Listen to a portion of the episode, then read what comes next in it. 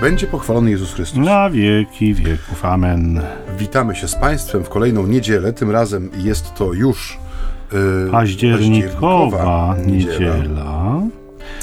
I to taka niedziela y, bardzo ważna dla świata franciszkańskiego, to znaczy akurat ta, y, ten dzień, 3 października, y, może mniej niedziela, akurat przypada to w niedzielę w tym roku, świat franciszkański dzisiejszego wieczoru przeżywa Transitus, czyli pamiątkę błogosławionej śmierci naszego świętego ojca Franciszka. On zmarł 3 października, 4, czyli jutro będziemy przeżywali jego uroczystość, przynajmniej w naszym zakonie uroczystość, a w kościele powszechnym wspomnienie mm, świętego Franciszka, więc y, pod, z podwójną radością wita się z Państwem ojciec Michał Nowak, Franciszkanin. Franciszkanin i wierny fan ojca Michała Franciszkanina, ojciec Maciej Baron. Niech ojciec lepiej będzie fanem Pana Jezusa. Ja żegnam się z Państwem. Znowu zostałem zgaszony na starcie. Już nie mam nic do powiedzenia. Proszę ojca, nie wiem, czy ojciec pamięta scenę właśnie nie. podobną z filmu o Faustynie, siostrze Faustynie. Którego? Tego dobrego? No, tego z klasycznego z Dorotą Aha. Segną. Jedna z sióstr tam pyta matkę przełożoną, czy siostra Faustyna e, jest dobrym wzorem do naśladowania. A wtedy ta przełożona odpowiada, że lepiej jednak naśladować może nie Pana Jezusa, Matkę Bożą, a nie tak koniecznie siostrę Faustyny. Mhm. No oczywiście pytanie nie było y, y, y, podyktowane prawdziwą chęcią naśladowania siostry Faustyny, było raczej takim przekąsem zadane, ale to tak ja w tym duchu e, również odpowiadam zawsze wszystkim fanom, bądźmy fanami Pana Jezusa, na pewno na tym lepiej wyjdziemy tak niż bycie, na byciu fanami kogokolwiek z ludzi. Dokładnie, no nawet nie tylko mnie, ale kogokolwiek z ludzi. I tą pouczającą historią... Żegnają się z Państwem. nie, nie, rozpoczynamy naszą audycję, która dzisiaj dotykać będzie będzie bardzo ważnego tematu dla większości naszych słuchaczy pewnie.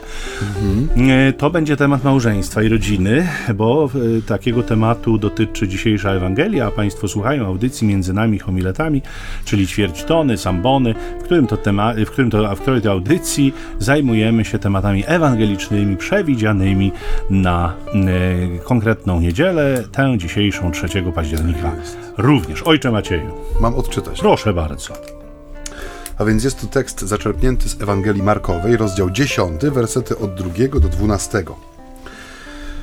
Faryzeusze przystąpili do Jezusa, chcąc, a chcąc wystawić go na próbę, pytali go, czy wolno mężowi oddalić żonę. Odpowiadając, zapytał ich, co wam przykazał Mojżesz? Oni rzekli, Mojżesz pozwolił napisać list rozwodowy i oddalić. Wówczas Jezus rzekł do nich, przez wzgląd na zatwardziałość serc waszych napisał wam to przykazanie – Lecz na początku stworzenia Bóg stworzył ich jako mężczyznę i kobietę. Dlatego opuści człowiek ojca swego i matkę i złączy się ze swoją żoną i będą oboje jednym ciałem. A tak już nie są dwojgiem, lecz jednym ciałem. Co więc Bóg złączył, tego niech człowiek nie rozdziela. W domu uczniowie raz jeszcze pytali go o to, powiedział im, kto oddala swoją żonę, a bierze inną, popełnia względem niej cudzołóstwo. I jeśli żona opuści swego męża, a wyjdzie za innego, popełnia cudzołóstwo. Przynosili mu również dzieci, żeby ich dotknął, lecz uczniowie szorstko zabraniali im tego. A Jezus widząc to oburzył się i rzekł do nich, pozwólcie dzieciom przychodzić do mnie, nie przeszkadzajcie im. Do takich bowiem należy Królestwo Boże. Zaprawdę powiadam wam, kto nie przyjmie Królestwa Bożego jak dziecko, ten nie wejdzie do niego. I biorąc je w objęcia, kładł na nie ręce i błogosławił je. Amen. Amen. Zastanawiając się nad tą Ewangelią, pomyślałem sobie, drodzy Państwo, że to jest taki no, wdzięczny temat do dyskusji. Zarówno y, wczoraj, jak i dziś, i pewnie jutro. W czasach Jezusa również był to wdzięczny, wdzięczny temat. E, no i mamy w tych, w tych dyskusjach naszych cały szereg różnorakich argumentów. Ja tylko niektóre wypisałem. Nie? Miłość tłumaczy wszystko. Skoro ludzie się kochają, to po co im jakiś papier? A przecież za papierem ślubnym bardzo często idzie w ślad papier rozwodowy.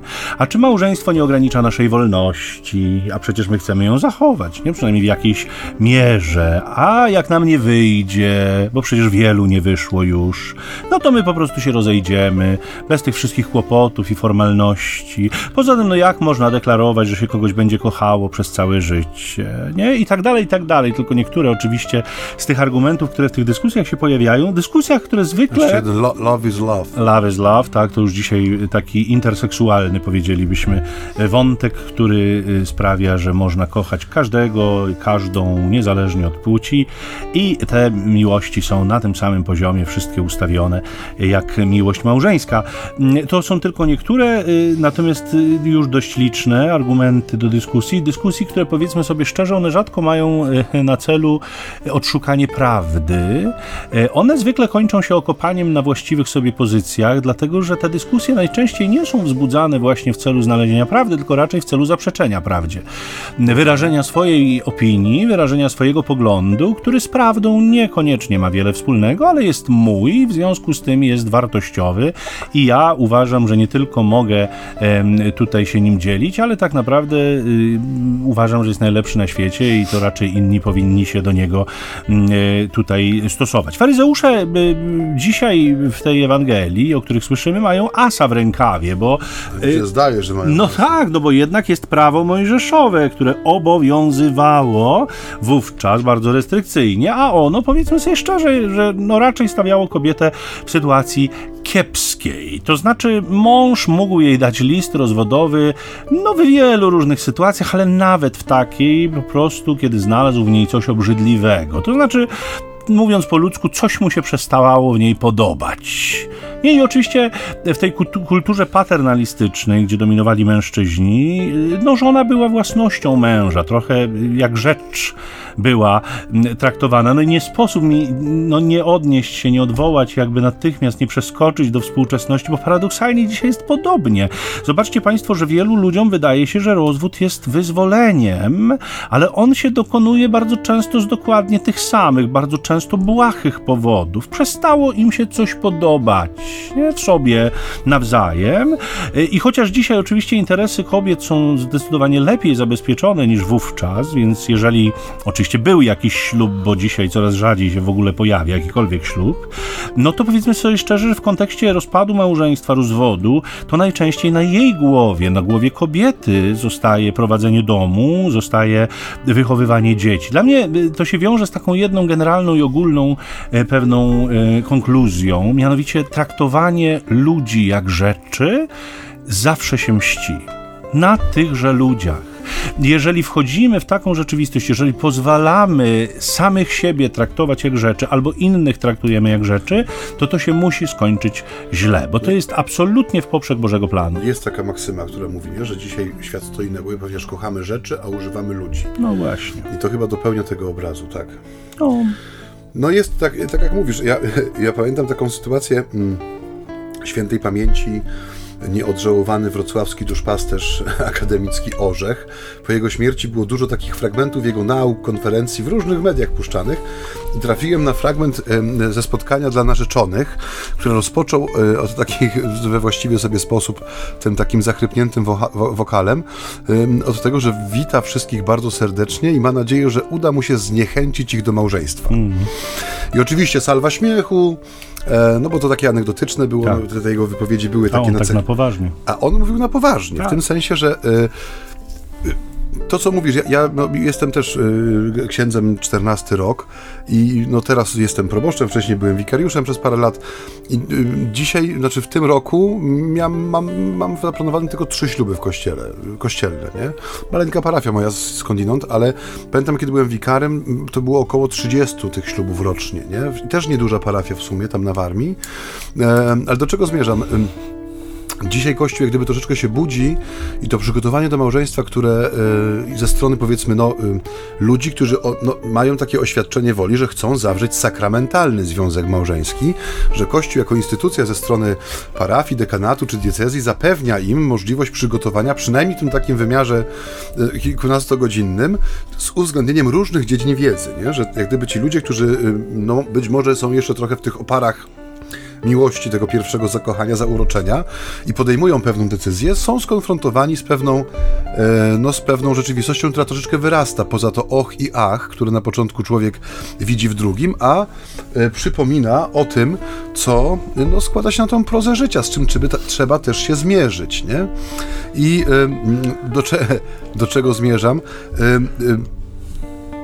To, to, o czym mówił Orzech, to, że wita wszystkich i ma nadzieję, że uda mu się zniechęcić do małżeństwa że bardzo często to jest najlepsze, co można zrobić w tym sensie, że tak jak mówię, kiedy patrzymy na długofalowe skutki, szczególnie, no nie bądźmy tutaj, e, znaczy bądźmy tutaj szczerzy, dotykające najmłodszych, czyli dzieci w rodzinach, nie? E, kiedy dwoje rodziców zamienia swój, e, e, no, swoje życie albo w najlepszym przypadku w jakąś formę takiego współbycia, nie współżycia małżeńskiego, ale współbycia na jednym, na jednym adresie pocztowym, czyli trochę takiego mijania się bez agresji, ale też bez czegokolwiek innego, po no, jawną wojnę niekiedy, której no niestety pierwszymi ofiarami są cywile, jak w każdym e, konflikcie, a w tym przypadku tymi cywilami są dzieci, nie? Czy to będą dzieci czteroletnie, czy to będą dzieci dwuletnie, czy dzieci dwudziestoletnie. No niestety pęknięcie tego, co no, jak, jak, do pewnego czasu było czymś naturalnym i oczywistym, a teraz już nie jest, no sprawia, że ten człowiek nosi w sobie, jeżeli nie ranę, to na pewno jakąś traumę, nie? Jak w każdym konflikcie. No jest ten, mówi się o tym zespole stresu pourazowego, które także występuje wśród ofiar przemocy domowej, alkoholowej, jakiejkolwiek innej, która człowieka dotyka. Tak. I Mówię, mnie to zdanie tego orzecha zostało, nie? Ja czasami sobie pozwalam, kiedy mamy jakieś tam spotkania, gdzie są narzeczeni, czy, czy nawet kiedy spisuję protokół, to ostatnio żartem też tak rzuciłem, że widzę, że nie udało się e, was zniechęcić do tego, nie? Czynu, żartem mówiąc. Ale no coś, coś jest w tym, nie? Że myśmy powinni z bardzo wielką pieczołowitością podchodzić do narzeczonych, w tym sensie do ludzi, którzy chcą się pobrać, nie ze względu na tą urzędniczą mentalność, nie? czy papierkologię jakąś, ale ze względu na to, że no jako y, też no, mówię tu o nas jako o księżach, o proboszczach, ale też o ludziach, którzy znają narzeczonych i którzy może na przykład widzą pewne sprawy, które uciekają jeszcze y, młodym z racji tego, że tak jak mówię, są pełni tego zauroczenia, że tam może być coś, co potrzebuje jakiegoś, y, mówiąc tak y, psychologicznie, przepracowania i przemyślenia. Nie, nie dlatego, żeby im zepsuć zabawę, ale dlatego, żeby właśnie, żeby ta zabawa, mówiąc kolokwialnie, nie skończyła się za szybko, nie?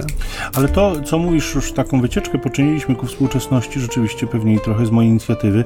E, tak. E, prowokuje mnie do takiego namysłu, zresztą on trwa już od lat też u mnie. Czy nie masz wrażenia, że my łączymy sakramentem małżeństwa ludzi niewierzących? coraz częściej. Mhm. E, ja pamiętam 15 lat temu, kiedy zaczynałem moją drogę kapłaństwa i prawdziwym wstrząsem dla mnie były śluby, dwa, które pamiętam do dziś. E, pierwszy z nich, kiedy, kiedy podszedłem do państwa młodych z komunią świętą, z krwią pańską, podałem panu młodemu kielich, mówiąc krew Chrystusa, a on podniósł ten kielich, odwrócił się do kamery, wzniósł nim toast i wypił.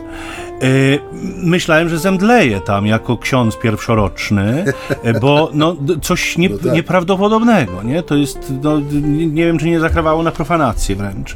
Druga sytuacja bardzo podobna, kiedy podszedłem z krwią pańską, no nie udław się, takie, takie przeżyłem sytuacje. Podszedłem z krwią pańską e, do y, panny młodej, y, no, przy, udzielając jakby jej komunii świętej pod postacią krwi pańskiej, i mówię krew Chrystusa, a ona na mnie patrzy z obrzydzeniem takim największym i mówi, to ja mam to wypić, ale jestem niepijąca. No więc y, y, zrozumienie tajemnic, do których niewątpliwie należy sakrament małżeństwa, jestem głęboko przekonany, że w tych przypadkach było niemal zerowe, jeżeli w ogóle nie zerowe. I teraz y, dlaczego to jest ważne? Ponieważ żyjemy w kulturze katolickiej, jeszcze ciągle, pewnie szczątkowej trochę, ale jednak ciągle, gdzie ta presja społeczna, zwłaszcza w rodzinach, ze strony starszego pokolenia jest duża na to, żeby młodzi brali ślub kościelny. Mhm. I e, czasem jestem uczestnikiem takich rozmów, kiedy przychodzą matki, zwłaszcza zatroskane, i mówią, w jaki sposób ich skłonić do tego, żeby oni wzięli ślub kościelny. I ja mam czasem y, no, ochotę i nawet mówię o tym wprost. Mówię, nie róbmy tego, nie? nie skłaniajmy ich na siłę do tego, żeby oni wzięli ślub kościelny, ponieważ ja mam wrażenie, że my w ten sposób niejednokrotnie zastawiamy na nich pułapkę. Nieświadomie trochę. To znaczy oni wpadają w sidła tej poprawności, no już nie tyle politycznej, ale katolickiej, e, e, biorą ten ślub kościelny, przy czym w, w tym momencie wiążą sobie tak naprawdę ciężary trochę nie do uniesienia dla siebie, dlatego że jakby udzielanie sobie wzajemnie sakramentu małżeństwa, bo wiecie Państwo, że to jest sakrament, którego nie udziela ksiądz, tylko małżonkowie udzielają sobie nawzajem tego sakramentu. Ksiądz jest świadkiem kwalifikowanym tego wydarzenia. Udzielanie sobie nawzajem sakramentu małżeństwa w perspektywie braku wiary jest w istocie podejmowaniem ciężarów nie do uniesienia, bo te zobowiązania, które z małżeństwa wynikają, one są możliwe tylko wtedy, kiedy w sposób świadomy trwa się przy Chrystusie, kiedy w sposób świadomy się tego Chrystusa do tego małżeństwa wpuszcza i kiedy z Chrystusem chce się je budować. Natomiast jeżeli ludzie w ogóle nie mają takiego planu, jeżeli ludzie w ogóle nie mają świadomości i nie mają poczucia wartości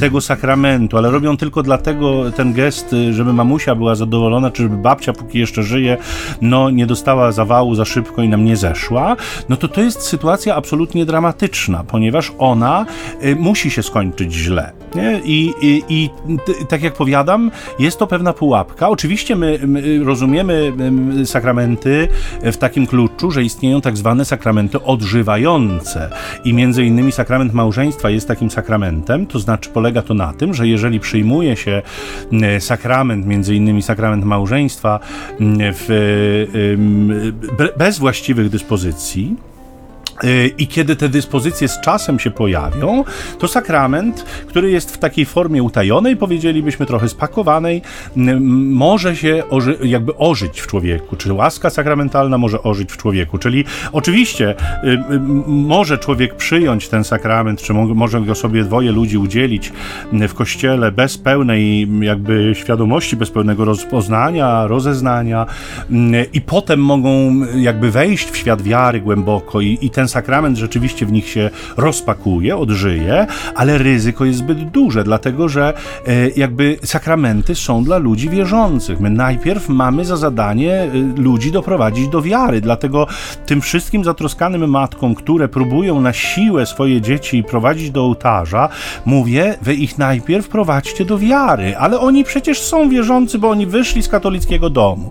No, kochani Państwo, no nie bądźmy tak. naiwni, nie zaklinajmy rzeczywistości. To jest nie? Ufność, Boże miłosierdzie no, już. To, że ktoś wyszedł z katolickiego domu jeszcze absolutnie nie jest potwierdzeniem tego, że jest człowiekiem wierzącym. Nie? Zresztą powiedzmy sobie szczerze, że wielu dorosłych, czy dojrzałych, czy sędziwych ludzi, no raczej ma życzenie, ży y, myślenie życzeniowe. To znaczy, że chcielibyśmy, żeby te nasze dzieci były wierzące, bo wyszły z katolickich domów, ale całe ich życie, wszystko co czynią, jest jawnym zaprzeczeniem tego, że są wierzące. Więc stańmy w prawdzie i powiedzmy, moje dzieci straciły wiarę. Co ja mam zrobić, żeby w nich tę wiarę ożywić, żeby ich do wiary doprowadzić? O ślubie będziemy myśleć później, kiedy oni już ludźmi wierzącymi będą. Myślenie o tym uprzednio jest całkowicie pozbawione sensu, bo to są zgliszcza. To, do czego prowadzimy tych ludzi, mając niejednokrotnie w tym swój aktywny udział. Bo jeśli oni jeszcze przychodzą sami, nie są motywowani przez swoich bliskich, no to okej, okay, to oni poniosą odpowiedzialność i oni poniosą konsekwencje, ale jeśli tutaj aktywnie uczestniczą w tych tych y, namowach bliźni, no to ta odpowiedzialność się też rozkłada. Miejmy tego świadomość, że jeżeli potem sakramentalne tak. małżeństwo się rozpada, a było zawarte pod presją bliskich, no to jest to do pewnego y, momentu nawet przeszkoda y, zrywająca, to znaczy podstawa do orzeczenia o nieważności małżeństwa, jeśli ono było zawarte no, pod przymusem. Ad, ad vocem nacisku, jeśli mogę oczywiście. Proszę Ostatnio też spotkałem się z taką sytuacją, też nie powiem gdzie, bo to nie jest ważne, tak, ale, tak. ale ona się kwalifikuje też na, no, na ciekawe omówienie. Mianowicie właśnie to, o czym mówisz, nie? że e, jedno z, w tym nowym Państwo, nie wiem, nie musicie znać i mieć e, rozeznania, ale od pewnego czasu, od 2019 roku, protokół, który się spisuje przed ślubem, jest troszeczkę poszerzony o kilka takich pytań, które mają, no jak gdyby dać takie jaśniejsze rozeznanie duszpasterzowi w sytuacji narzeczonej. Nie zaczynają się od czy. I nie zaczynają się one od tak, czy. tak, one są troszeczkę pełniejsze, ale do czego zmierzam? Słyszałem o sytuacji, w której młodzi przyszli do kancelarii parafialnej, żeby no, mówić termin ślubu, dopytać o konieczne e, dokumenty, zaświadczenia. No i w czasie rozmowy oczywiście okazało się, że oni nie są z tej, e, z tej parafii, akurat są z innej parafii, no że są na etapie załatwiania tej zgody, tego wszystkiego, co jest potrzebne, żeby wziąć ślub poza parafią zamieszkania. No ale od słowa do słowa potoczyła się rozmowa i okazało się, że głównym nalegającym na ślub, znaczy wstawiającym warunek nie jest ani pan młody, ani pani młoda, ani czy teściowa, tylko ksiądz proboszcz parafii, który powiedział, że o ile, ponieważ państwo już posiadali e, potomstwo, posiadali dziecko, ale nie posiadali ślubu kościelnego, że on y, nie ochrzci dziecka, dopóki nie wezmą ślubu kościelnego. No i teraz stawiając sobie tego typu przykład przed oczami, e, kiedy zadajesz młodym pytanie, czy na decyzję o zawarciu związku małżeńskiego miały wpływ osoby trzecie, jeśli tak, tak to jakie i dlaczego, no to taki, no, no, no to woła, no już nie o pomstę do nieba, ale o dzwon i gong po prostu, nie? No skoro człowiek, który spisuje ten protokół, czy wydaje zgodę sam, jest źródłem nacisku, ja wierzę, że w dobrej wierze, w sensie no, takiej, że, że chce przyciągnąć ludzi do kościoła. No ale tak jak mówię, że stwarza sytuację, w której tych ludzi wystawia się na no, zawarcie nieważnego związku, no bo pod, przy, pod pewną formą przymusu, nie? czy pod pewną mm. formą no, konieczności, która nie jest ich pragnieniem, ale przychodzi z zewnątrz. Nie? I to też jest. Yy, no, dzisiejsza sytuacja jest o tyle trudna, że jest, taka, jest tak zwana turystyka ślubna też. Nie? Znaczy, że yy, młodzi decydują się na ślub kościelny w miejscach atrakcyjnych wizualnie na przykład, nie? albo dlatego, że jest fajny kościół, fajne otoczenie, albo będzie ładny plener po, yy, przy świętej ślubnej, bo słońce będzie ładnie zachodziło i kamień kościoła będzie różowy na przykład. Nie? To są argumenty, które decydują o wyborze miejsca. Nie? I staje, stają czasami przed duszpasterzem, który ich nie zna, e, w sytuacji, która będzie no jednorazowa, no bo spotkają się raz, drugi raz zobaczą się przy, e, przy ołtarzu, kiedy nadejdzie dzień wyznaczony. E, więc nawet jeżeli ten ksiądz, tak jak mówię, nie chodzi o jakąś mentalność urzędniczą, czy pielęgnowanie papierologii, ale właśnie o tą pomoc też, nie? Że to, co kiedyś było, że no miało się jednego papieża, jednego biskupa, jednego proboszcza, miało ten plus, że ty jako proboszcz znałeś swoich parafian. Parafiani też znali swojego proboszcza, nie? W tym sensie, że wszystkie okoliczności życia od chrztu po pogrzeb były przeżywane w jednej wspólnocie. W tej chwili to jest już, tak jak mówię, no, naznaczone też pewną formą takiej, no ja to tak złośliwie nazywam, turystyki małżeńskiej, że no, wybiera się miejsca nie ze względu na dobro duchowe, w sensie, że to jest moja parafia, czy właśnie no, tu, tu się wychowałem, wychowałam, tu chciałabym ten związek małżeński zawrzeć, tylko ze względu na zupełnie inne rzeczy i stajemy się anonimowi wtedy, nie? Że nawet gdyby ktoś nas znał, czy miał okazję nas poznać i na przykład powiedzieć słowo, które mogłoby nie tyle zniechęcić, ile może otworzyć oczy trochę szerzej, Zmysło. no tego tracimy tę okazję też, nie? To jest też, no, no, może nie tyle jakiś problem, tylko wydaje mi się, że jest to sytuacja czasem przynajmniej niebezpieczna, nie? Jak moje dzieci się zbawią żyjąc bez ślubu? Czasem bardzo szlachetna motywacja. A jak się zbawią, kiedy zawrą sakramentalny związek małżeński, a potem sprzeniewierzą się temu zobowiązaniu, które przyjęli na siebie, właśnie dlatego, że nie zawarli go w sposób wolny i chętny i prawdziwy. Tu trzeba być naprawdę bardzo ostrożnym, nie? nie żeby nie, nie, nie przesadzić, żeby nie, nie wylać dziecka z kąpielą, żeby nie być zbyt natrętnym i namolnym, bo to są kwestie ważne i my będziemy ponosić konsekwencje naszych decyzji. E, odetchnijmy, bo rzeczywiście czas jest e, krótki, a e, jeszcze sporo do powiedzenia. Natomiast temat jest wyjątkowo ważny, ale również wyjątkowo trudny.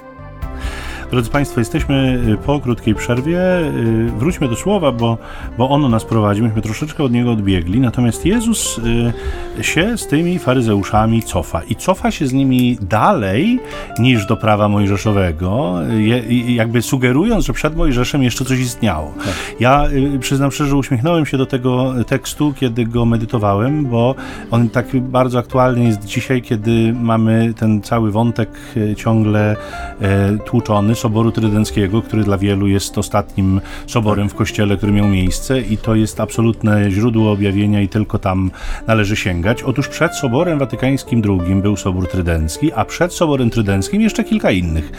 I świat się nie zaczął od Soboru Trydenckiego i tam najistotniejsze y, objawienia nie nastąpiły, dlatego też miejmy y, taką świadomość, że czasem jesteśmy tak emocjonalnie związani z niektórymi momentami historii, że wydaje nam się, że od nich się świat zaczął, a wcale się nie zaczął. Się okazuje niespodzianka, że jest Niestety. zupełnie inaczej. I tak. Pan Jezus pokazuje, że jeszcze przed prawem mojżeszowym był Boży zamiar. Mhm. Był Boży plan, który nie został w pełni zrealizowany, dlatego że Jezus sugeruje, że ludzie nie dorastali do tego planu. Czy to oznacza, że Bóg z tego planu zrezygnował, czy że raczej odrobinę obniżył poziom, chcąc ludzi wychować do wielkości, wiedząc lepiej niż oni, że zajmie to odrobinę więcej czasu mhm. jednak niż y, chciałby tego Pan Bóg. Dzisiejsza reakcja Jezusa, y, ta ewangeliczna, zdaje się pokazywać, że plan Boga się nie zmienił. Nieco więcej, mm, on zamierza z ludzkością wrócić do tego planu, tak, i decyduje się na tym etapie, już nie czekać dłużej jakby, ale rzeczywiście pchnąć tę ludzkość mm, o stopień wyżej. A jaki był ten plan? Otóż plan był niesłychanie prosty. Ja mam takie wrażenie, że to my jako ludzie bardzo wszystko lubimy komplikować. Natomiast plan Boga był absolutnie prosty. Mężczyzna wybiera kobietę, nikt ani nic ich do tego nie zmusza, po to, żeby z nią stworzyć dożywotni związek, z którego mają zrodzić się dzieci. No nic prostszego, prawda?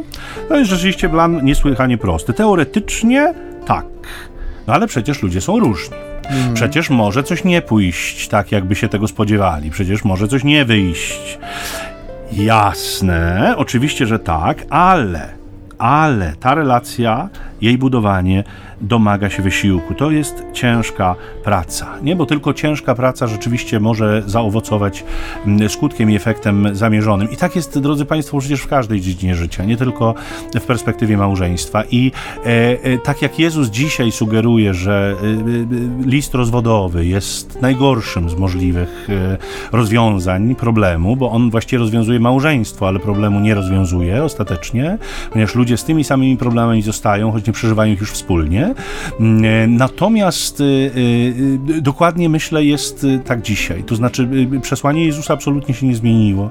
Rozwiązaniem absolutnie złym i z całą pewnością takim, które jeżeli w ogóle by należało, to należałoby brać pod uwagę absolutnie na samym końcu, jest doświadczenie rozwodu, czy rozwiązanie polegające na rozwodzie. To jest rozwiązanie złe, dlatego że ono jest krzywdą i ono jest zaprzeczeniem Bożego planu. I ja drodzy Państwo, mówiliśmy już chyba o tym trochę kiedyś przy jakiejś okazji. Ja jakby cały czas mam to w głowie i bardzo e, mocno jakoś na mnie to oddziałuje w tej chwili, że Myśmy chyba trochę w ogóle jako katolicy dali się zepchnąć do narożnika, nie pozwalając sobie dzisiaj posługiwać się prorockimi zwrotami w stylu to mówi Pan. E, bo, no bo mówimy sobie, no a co to kogo obchodzi, co mówi Pan? Jak ludzie są niewierzący, to ich to w żaden sposób nie obchodzi, ale to, to nie ma znaczenia, czy ktoś jest wierzący, czy niewierzący. Dla mnie to jest argument. To mówi Pan. Istnienie Pana nie jest zależne od tego, czy jakiś Francuz, czy jakiś Belg, czy jakiś Hindus w niego wierzy.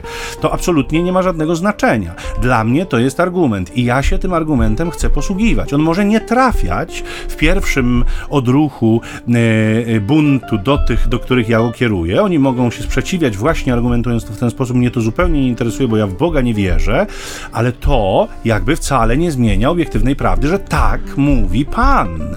I y, powiedzmy sobie szczerze, drodzy, że kiedy y, y, sięgamy po ten argument, tak mówi Pan, i oczywiście mówimy to, co mówi Pan, no bo trudno, że tak powiem, używać argumentu to mówi Pan dla podparcia swoich własnych tez, ale tutaj nie mamy żadnych wątpliwości, jaki jest plan Boga, więc jeżeli mówimy to mówi Pan, to musimy sobie zdawać sprawę, że działamy jak prorocy, to znaczy wprowadzamy słowo Boga w tę rzeczywistość. Co oznacza, że za tym słowem postępuje Pan, który ma możliwość oddziaływać na ludzkie serca. Jeżeli ja argumentuję po ludzku tylko i wyłącznie, to ja oddziałuję na ludzki rozum. Ja próbuję człowieka do czegoś przekonać. Natomiast jeżeli ja się y, y, uciekam do argumentu, to mówi Pan, argumentu, który wcale nie musi kończyć całej dyskusji. Ja nie, nie chcę go używać jako pałki pacyfikującej drugiego człowieka, ale dla mnie to jest szalenie istotny argument, dlatego go używam.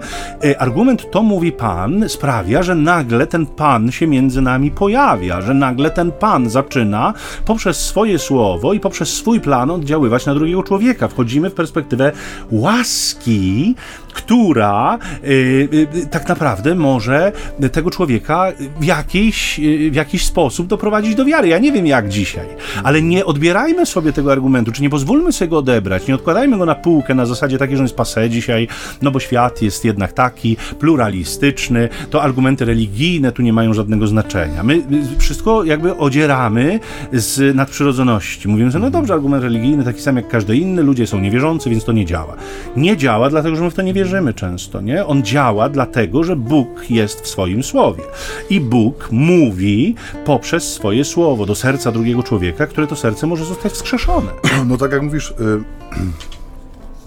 o tym zepchnięciu do narożnika i o tym, że no, jest w nas y, i tu można powiedzieć chyba tak ogólnie i po prostu szeroko, że jest w nas pewna y, może pewien lęk też do tego, żeby przyjąć argumentację religijną jako autentyczną i co naj, najważniejsze skuteczną, nie? Że zauważ, jak, no wyobraź sobie sytuację, że usiłujesz komuś, no, ja lubię ten kontekst niedzielnego obiadu i rodziny przy stole, nie? Że mhm. kiedy jesteś ze swoimi, wśród swoich, nie? Wśród bliskich, no to te słowa o tym, że trudno być prorokiem we własnym kraju są właściwie wyczuwalne wręcz w powietrzu, ale właśnie no, kiedy pojawiają się tego typu tematy, dyskusje, no, dzisiaj się mówi o tym, że one są e, światopoglądowe, że one nie są, nie dotyczą moralności, czy e, powiedzmy zasad życia chrześcijańskiego, czy wręcz ich braku, no ale tak jest w rzeczywistości, ale ukuliśmy sobie taki wygodny termin zastępczy, że to są kwestie światopoglądowe i zauważ, że kiedy się o tym mówi, to najczęściej mówi się w kontekście, że lepiej tego nie tykajmy, że to jest -hmm. trochę jak z polityką przy stole, nie? Tak. Że za chwilę może się okazać, że te talerze z rosołem będą fruwać w powietrzu, nie?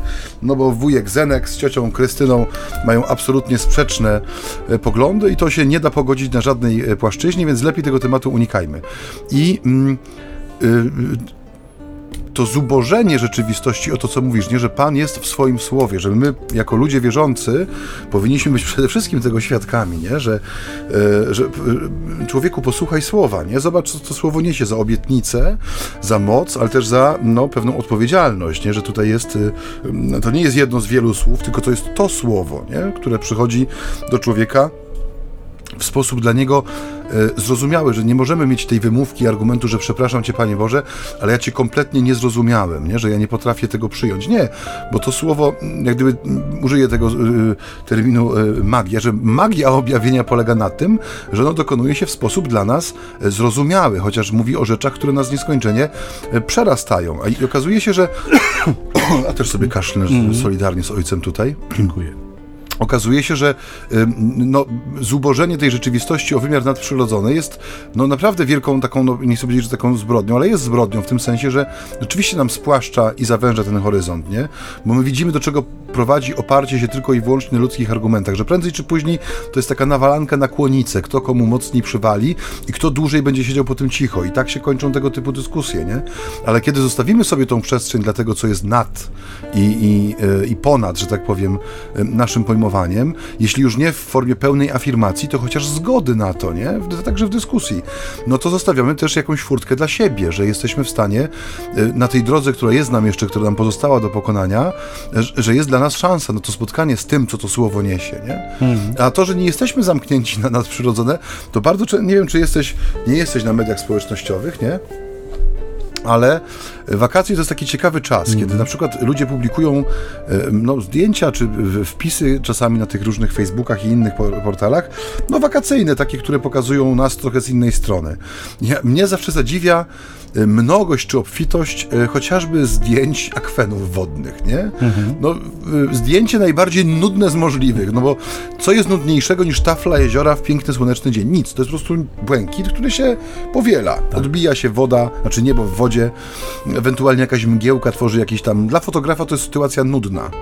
Ale my, kiedy stajemy przed na przykład oceanem, jeszcze mamy to szczęście, na przykład, że jest zachód słońca i jeszcze mamy większe szczęście, że nie ma tłumu rozwrzeszczanego, który niesie niedojedzone, e, niedosmażone dorsze i który otwiera zębami piwo na tej plaży, tylko mamy ciszę i spokój. I kebaba, kebaba. I kebaba. I kiedy mamy taką sytuację i nagle widzimy, że w tej wodzie i w tym niebie jakby mówi do nas coś więcej, nie? Zauważ, że to jest taki moment, nie, że człowiek często się wycisza, że łapie y, jak gdyby kontakt ze sobą, mówiąc tak y, kolokwialnie, po raz pierwszy od dawna, nagle no, sięga po aparat, robi zdjęcie, dzieli się tym z innymi i pokazuje, że y, no, niby rzecz taką kolokwialną, taką prostą, no akwen wodny, czy morze, czy plaże, ale że to, że my jesteśmy otwarci na transcendencję, jest w nas wpisane. My się możemy tego wyrzekać, my się możemy tego wypierać, my możemy to infantylizować, powiedzmy, sprowadzać to do jakiejś argumentacji właśnie właściwej dzieciom, czy osobom niedouczonym, ale kiedy człowiek właśnie ma kontakt z czymś, co w sposób czysty i oczywisty go przerasta, jak chociażby stanięcie, jest taka kapitalna scena, znowu będziesz się śmiał pewnie nie. na temat moich źródeł, nie wiem, czy oglądałeś, pewnie powiesz, że nie oglądałeś, ale jest Oczywiście taki najbardziej nie. kultowy film lat 90., Skazani na Shawshank. Oglądałem. Tak, tam jest ta ostatnia scena, kiedy yy, no, tych dwóch przyjaciół jak gdyby spotyka się nad brzegiem morza, nie? bo oni tam sobie mówili, że jakby mógł, to by otworzył zakład w takim miasteczku, które się nazywało Zihuatanejo i on dostał kartkę pocztową do więzienia z tego zakładu, wiedział, gdzie ma iść i w końcu i ta kamera idzie, idzie, idzie, unosi się i widać, jak oni, nie ma już tej, tej sceny spotkania, tylko jest y, ocean i bielutki piasek i te dwie maleńkie y, istotki, które tam się już z lotu ptaka się tam spotykają. Ocean możliwości. Ocean możliwości, tak. Ale chodzi mi o to, że mhm. no, jest w nas otwartość, nie, nie, nie wiem, czy jest coś, kto nie miał mokrych oczu na tym zakończeniu. Ja też zawsze się wzruszam, jak to widzę. No, jest w nas otwartość. Jest, chodzi mi o to, że jest w nas tak. ta szczelina na transcendencję. Choćbyśmy ją wyparli, mm. sprowadzili życie tylko i wyłącznie do białka, mięsa i fizjologii, to jesteśmy istotami z natury, tak jesteśmy stworzeni po prostu. I to też jest dowód na to, że, że Pan Bóg ma tą ścieżkę dotarcia do swojego stworzenia. Zostawił jak gdyby tą dziurkę od klucza, nie? przez którą potrafi wejść i nas otworzyć i rozłożyć. Nie? Tak jak czasami nas rozkłada zachód słońca nad oceanem w cichy, spokojny wieczór, bez wrzasku i krzyku. Nie? Dlatego ten Boży plan jest taki ważny. A Fajny wracając jest. do Ewangelii, powiedzmy sobie szczerze, że bardzo często y, błędy popełniamy już na etapie przygotowania do małżeństwa, nie? już na etapie wyboru. E, powiedzmy sobie szczerze, że te kryteria, które są brane pod uwagę, bardzo często no, nie należą wcale do bożych kryteriów. To znaczy, mówiąc wprost, wszystko robimy po ludzku, nie pytając Boga o zdanie, absolutnie, i potem jesteśmy hiper zdziwieni, że to nie działa. Nie? Dlaczego to nie działa? Powiedzmy sobie szczerze, że początkowe różowe okulary, które mamy, które bardzo często w tych e, jakby kręgach psychologicznych czy kościelnych tak właśnie określamy. To znaczy ta faza zakochania, tego początku. Te różowe okulary się gubią z czasem i rzeczywiście jesteśmy konfrontowani z prawdą, a ta prawda stanowiąca niespodziankę, no jest często prawdą trudną. Te niespodzianki, które się pojawiają bardzo często właśnie już po jakichś decyzjach mm, e, wiążących, one e, są czasem czasem wstrząsające. I nie jest problemem to, że y, ślub został zawarty i to ślub zabił naszą miłość. Nie, nie. Po ślubie po prostu nastąpił moment zgubienia różowych okularów i nagle otrzeźwieliśmy, zobaczyliśmy siebie w prawdzie i to się stało przyczyną tego, żeśmy się rozstali. Nie, nie ślub kościelny, który zniszczył naszą miłość i papier, który podpisaliśmy. Nie? Częstokroć ta y, y, diagnoza jest całkowicie błędna. Gdyby porównać przygotowanie do małżeństwa dzisiaj, do budowania domu, to trzeba powiedzieć, że to też jest wszystko niestety postawione na głowie. To znaczy, gdyby została zachowana właściwa kolejność w, w budowaniu, to pewnie więcej małżeństw miałoby szansę przetrwać. Natomiast niestety budowę bardzo często rozpoczyna się od y, próby zamontowania okien uchylnych w dachu, kiedy jeszcze nie ma fundamentów. Nie myślę tu zwłaszcza o współżyciu seksualnym, bądźmy szczerzy i dorośli. Drodzy Państwo, wchodzi się dzisiaj we współżycie seksualne, nawet jeszcze nie myśląc absolutnie o tym, że moglibyśmy ze sobą spędzić jakąkolwiek przyszłość. Już pomijam element braku szacunku do siebie nawzajem, braku szacunku do swojego ciała, które jest świątynią Ducha Świętego, mm, ale powiedzmy sobie szczerze, i to też psychologia nam bardzo mocno potwierdza, że te pierwsze kontakty seksualne, one są niesłychanie emocjonalnie mm, angażujące, one stanowią bardzo często punkt odniesienia dla jakiegokolwiek późniejszego współżycia seksualnego, one w niesłychanie silny, intensywny sposób wiążą ludzi też ze sobą w tej warstwie emocjonalnej, co sprawia, że bardzo często właśnie te okulary mają klapy na oczach, innymi słowy widzimy tylko jedną sferę życia jako taką, która nam wychodzi, a nie widzimy wielu innych, które już na tym etapie przygotowania kuleją. Ja to już kiedyś pewnie mówiłem, w którejś z naszych audycji, ale no, nie sposób, żebyśmy się nie powtórzyli, w końcu już mamy ich tam niemal 130, więc, więc tych doświadczeń mamy jakąś tam ograniczoną ilość, mimo że wiele, ale jednak. Ja pamiętam taką parę, przynajmniej dwie takie pary, od których usłyszałem rok czy dwa po ślubie, kiedy małżeństwo już stało się przeszłością, niestety stało się wspomnieniem, to znaczy w, w sensie formalnym, bo oczywiście w sensie realnym trwało nadal, bo zawarte przed Bogiem trwa aż do śmierci jednego ze współmałżonków, no ale rozwód nastąpił i pamiętam z taką e, e, no, prostotą, z taką szczerością. E, jedno z nich to częściej były panny młode, ówczesne, które akurat należały do grona moich znajomych. Wyznawały mi szczerze w jakiejś tam rozmowie szczerej, że no wiesz, jedyne co nam na etapie narzeczeńskim wychodziło to seks. I to y, tak było, nie? I to widzę dzisiaj. Natomiast cała reszta wtedy miała mniejsze znaczenie dla nas. A potem się okazało, że seks owszem jest jak jakimś tam elementem życia, ale wcale nie zasadniczym i wcale nie najważniejszym. Jest cały szereg bardzo konkretnych rzeczy, które przed ślubem trzeba mm, e, jakby zobaczyć. Dlatego e, zdecydowanie e, jakby cieszymy się, popieramy te wszystkie wspólnoty, te wszystkie ruchy. Ja sam współpracowałem z ruchem spotkań małżeńskich, który organizował wieczory dla zakochanych. Myśmy rzeczywiście w ramach dziewięciu wieczorów poruszali ca cały szereg, ogromną ilość tematów na które uczyliśmy tych młodych ludzi ze sobą rozmawiać. Wielu z nich, którzy już skądinąd mieli jakieś wartości, no bo przychodząc na dziewięć wieczorów, które no, były stricte katolickie i angażu angażujące, no ci ludzie rzeczywiście czegoś tam szukali więcej, ale bardzo często oni sami mówili, że zaczęliśmy rozmawiać na takie tematy, które do tej pory były nieobecne w naszej rzeczywistości, a rzeczywiście są tematami wiążącymi, są tematami szalenie istotnymi, dlatego może warto też pomyśleć o tego rodzaju przygotowaniu, kiedy jesteście jeszcze przed ślubem, kiedy rzeczywiście wiele wątków nie zostało mm, e, przygotowanych, no, omówionych w ramach przygotowania waszego osobistego. Nie? Jezus nam pokazuje bardzo jasno, że jeżeli popełni się błąd i potem ten błąd próbuje się naprawiać w sposób znowu czysto ludzki, bo to jest pewne, pewien mechanizm, który się na, nakręca, nie? To znaczy przygotowanie do małżeństwa po ludzku, e, ślub no, na zasadzie takiej, że trzeba, bo trzeba, nie wyszło, więc rozwiązanie po ludzku, czyli oddaję się w następne ramiona, szukam następnych ramion, które mnie przytulą, przygarną, z którymi stworzę związek. Może tym razem się uda, a jak się nie uda, no to kolejne i kolejne. Jezus mówi, że to można nazwać nazwać tylko jedna, w jeden sposób. Nie? To jest cudzołóstwo. I to jest grzech, to jest wina, to jest coś niewłaściwego, to jest całkowicie sprzeczne z Bożym planem. I zobaczcie, drodzy Państwo, to co mnie y, fascynuje w tej mowie Jezusa, że my te rzeczywistości uznajemy za bardzo delikatne dzisiaj. Nie? My się pieścimy tak bardzo delikatnie, łagodnie, żeby nikogo nie urazić, żeby nikogo nie dotknąć, natomiast Pan Jezus wali młotem. On się nie boi.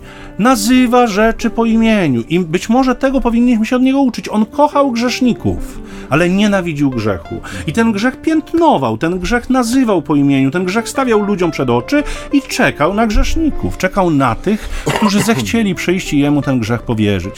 Być może to jest jakaś metoda, której nam dzisiaj trochę brakuje, to znaczy my strasznie dbamy o to, żeby ludzie się nie obrazili na nas, żeby ludzie sobie nie poszli, żeby ludzie nie poczuli się, e, nie wiem, wykluczeni, żeby wszyscy byli traktowani jednakowo, żeby, żeby wszyscy z odpowiednią tam dozą delikatności, miłości. Natomiast no, grzech jest grzechem i, i musimy go nazwać dokładnie tak samo jak Jezus. Jest to grzech cudzołóstwa, który jest poważną winą nie? i domaga się nawrócenia tak jak każdy inny grzech w naszym życiu. I to nawrócenie powinno leżeć nam wszystkim na sercu, zwłaszcza tym, którzy w tym grzechu żyją. I to powiedzmy, uderzając się we wszystkie piersi równocześnie, e, nasze kapłańskie też, kapłanów, którzy żyją w cudzołóstwie, dokładnie tak samo to dotyczy wszelkich sytuacji nieregularnych, które polegają na tym, że zaprzeczamy jakby Bożemu planowi, który e, jest bardzo jasno określony wobec każdego, każdego z nas, e, to po prostu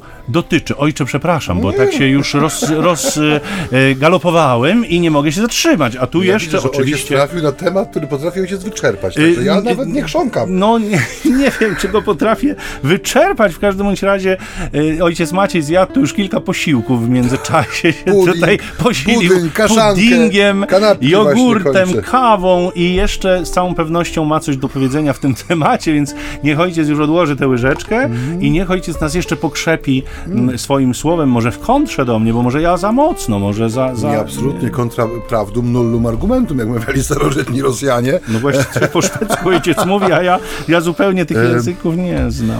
Nasza audycja ma zawsze na celu e, z jednej strony właśnie no, zagłębić się w tekst i to wydaje mi się dzisiaj e, wyjątkowo się udało ojcu Michałowi, ponieważ e, no jeden z tych argumentów, które są wyciągane przeciwko Ewangelii jest jej archaiczność. Nie? Ktoś mówi, no jakże to teksty sprzed 2000 lat mają wprowadzać jakieś normy w XXI wieku, który jest tak bardzo oświecony, tak bardzo demokratyczny, tak bardzo zróżnicowany względem źródeł, pomysłów na życie, jego modeli, że tu właściwie powinniśmy się zamknąć w kruchcie i sobie tam dla chętnych słuchaczy uskuteczniać jakieś przemowy. Nie? Tymczasem to, co mówisz, e, to nie są argumenty skruchty, nie? To, nie są, e, to nie jest słowo skruchty.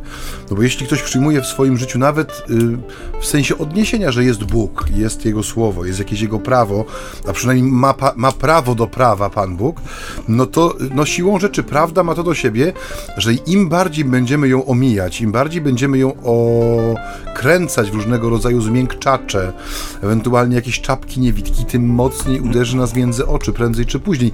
Nie dlatego, żeby Pan Bóg był złośliwcem, czy dlaczego, dlatego, że chciałby powiedzieć na końcu, a nie mówiłem, tylko dlatego, że taka jest siła prawdy, taka jest waga prawdy. I znów, nie tylko w kontekście szóstego i dziewiątego przykazania, każdego przykazania, nie? To jest to, co mówił Gilbert Keith Chesterton, że kiedy człowiek przestaje wierzyć w Boga, uwierzy w cokolwiek, nie? W cokolwiek.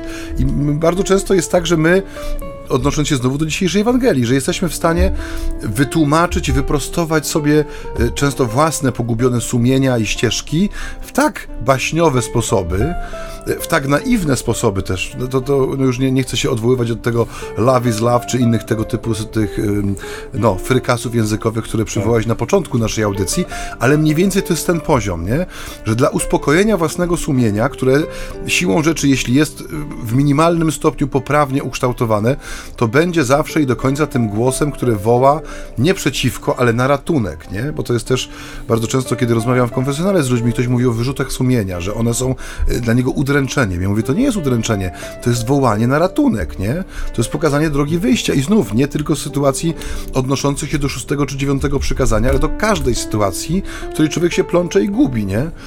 Że tak jak mówisz, ta siła prawdy, ona jest tak wielka, bezwzględna, ona jest bezwzględna, w tym sensie, że y, Pan Bóg robi co chce, w tym sensie, nie? Że, że ta prawda, którą On nam objawia, ona, ona ma Jego znamie, nie? Jest jak taka kula, która burzy budynki, nie na łańcuchu, ja czasami to można widzieć na filmach, nie jak składa 40-piętrowy dom w ciągu y, paru minut pracy. To samo dzieje się z prawdą, jeśli nie będziemy jej poddani w tym sensie, że nie przyjmiemy jej z całą jej rozciągłością i odpowiedzialnością, to prędzej czy później no ona nas uderzy w jakiś sposób, nie? Bo my jesteśmy ludźmi, którzy są stworzeni na Boży obraz i podobieństwo, nie jesteśmy plastusiami ulepionymi z gliny, które się mogą modelować na swój obraz i podobieństwo, jak tylko chcą. Tak, to nie, nie, nie poruszyliśmy dzisiaj właściwie wątku stosunku Jezusa do dzieci, mimo że on w Ewangelii występuje, ale no ale to było do przewidzenia, ponieważ ten temat małżeński jest tak e, ważny, szeroki i, i potrzebny chyba, że, że może e, nam Państwo to darują. Ja tylko co do dzieci, wracając, bo to bardzo wiąże się z tym małżeństwem, wspominałem o tym, że my komplikujemy niesłychanie naszą rzeczywistość. Dzieci tego nie robią. Może to jest też pewien wzorzec, żebyśmy upraszczali, bo Bóg jest prosty, On chce być prosty i chce w sposób prosty do nas mówić i chce nam proste rozwiązania proponować. I obyśmy tych prostych rozwiązań byli złaknieni, spragnieni i obyśmy byli gotowi je w naszym życiu aplikować. Y, myślę, że będziemy chyba kończyć, bo rzeczywiście Tadeusz już niespokojnie podryguje tam w y, swojej y, dyżurce. I skończyły się patisony. Skończyły się warzywa, którymi mógłby nas obrzucać, a, a jednocześnie tutaj klimatyzacja, która chodzi i sprawia, że on już w trzeciej kurtce zimowej, zimowej i, i nie, nie, nie jest chłop przyzwyczajony, a my trochę bardziej. W każdym razie e, czas też, e, już zupełnie poważnie mówiąc, dobiega końca naszej audycji, dlatego drodzy Państwo dziękujemy Wam za to dzisiejsze spotkanie. Temat trudny, dla wielu z Was pewnie aktualny. Borykacie się z tymi tematami, nie, być może nie w swoim życiu, ale w życiu swoich dzieci, swoich bliskich, swoich przyjaciół, w towarzystwie, podczas spotkań. Bądźmy katolikami, bądźmy katolikami w myśleniu, bądźmy katolikami w mówieniu, bądźmy miłośnikami słowa i bądźmy tymi, którzy to słowo wprowadzają w świat. Nie bójmy się argumentu, tak mówi Pan, niezależnie od tego, jakie będą kontrargumenty. Tak mówi Pan. To jest spojrzenie prorockie na tę rzeczywistość, to jest wprowadzanie Bożego widzenia w ten świat i oby ono działało na serca tych, na których y, powinno działać i wobec, wobec których jakby to słowo jest szczególnie żywe i, i aktualne, których dotyczy po prostu najzwyczajniej w świecie. Dziękujemy za to spotkanie. Ojciec Michał Nowak-Franciszkanin. Ojciec Maciej Baron Werbis. Zakończyła się właśnie audycja między nami homiletami. Czyli ćwierć tony sambony. Niech was błogosławi, strzeże, umacnia i prowadzi wszechmogący, dobry i miłosierny Bóg Ojciec i Syn i Duch Święty. Amen. Do usłyszenia. Takoż.